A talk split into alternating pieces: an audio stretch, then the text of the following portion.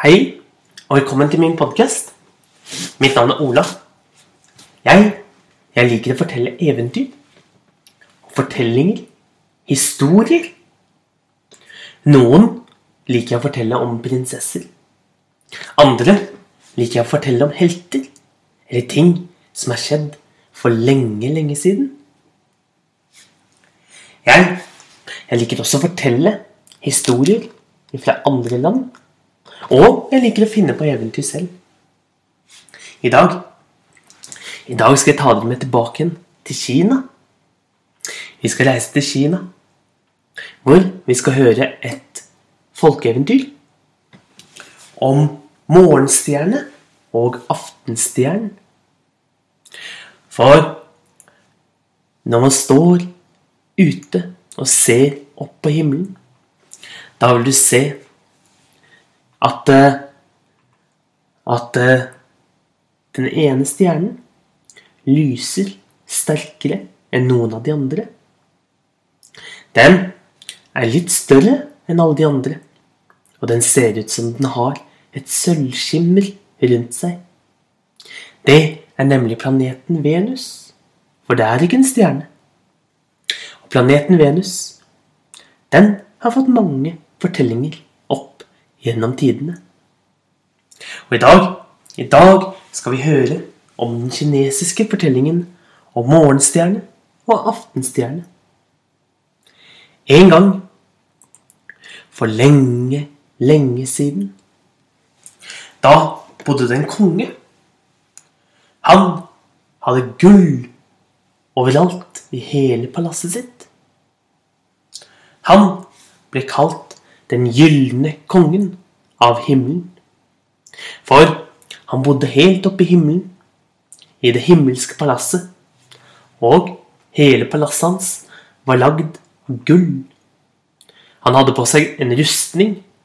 Hjelmen var lagd av gull. Og hele rustningen var lagd av gull. Sverdet han hadde i beltene, beltet, var også gull. Og denne kongen, han hadde to sønner. To, to sønner som han var veldig, veldig glad i. Den ene av sønnene het Kjenn. Og den andre het Tien. Kjenn og Tien, de var gode venner. De var slik brødre burde være. De tok vare på hverandre var snille mot hverandre. Og de pleide å leke sammen. De pleide å gå på skolen sammen. De pleide å gjøre alt mulig sammen. De vokste opp og ble to voksne prinser. Og fremdeles så var de bestevenner. Og kongen, den gylne kongen av himmelen, han så på sine sønner med stolthet og tenkte at en dag skal de ta over hele himmelriket. Og jeg er glad for at jeg kan gi det til dem, de som styrer og er så gode mot hverandre og så gode venner. De kommer til å dele mitt rike rettferdig imellom seg.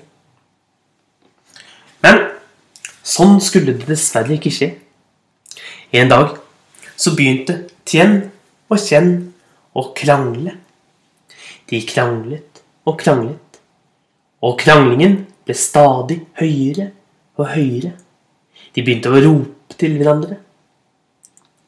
Snart så var de så sinte på hverandre at til slutt så tok Tien og slo Kjenn rett i ansiktet.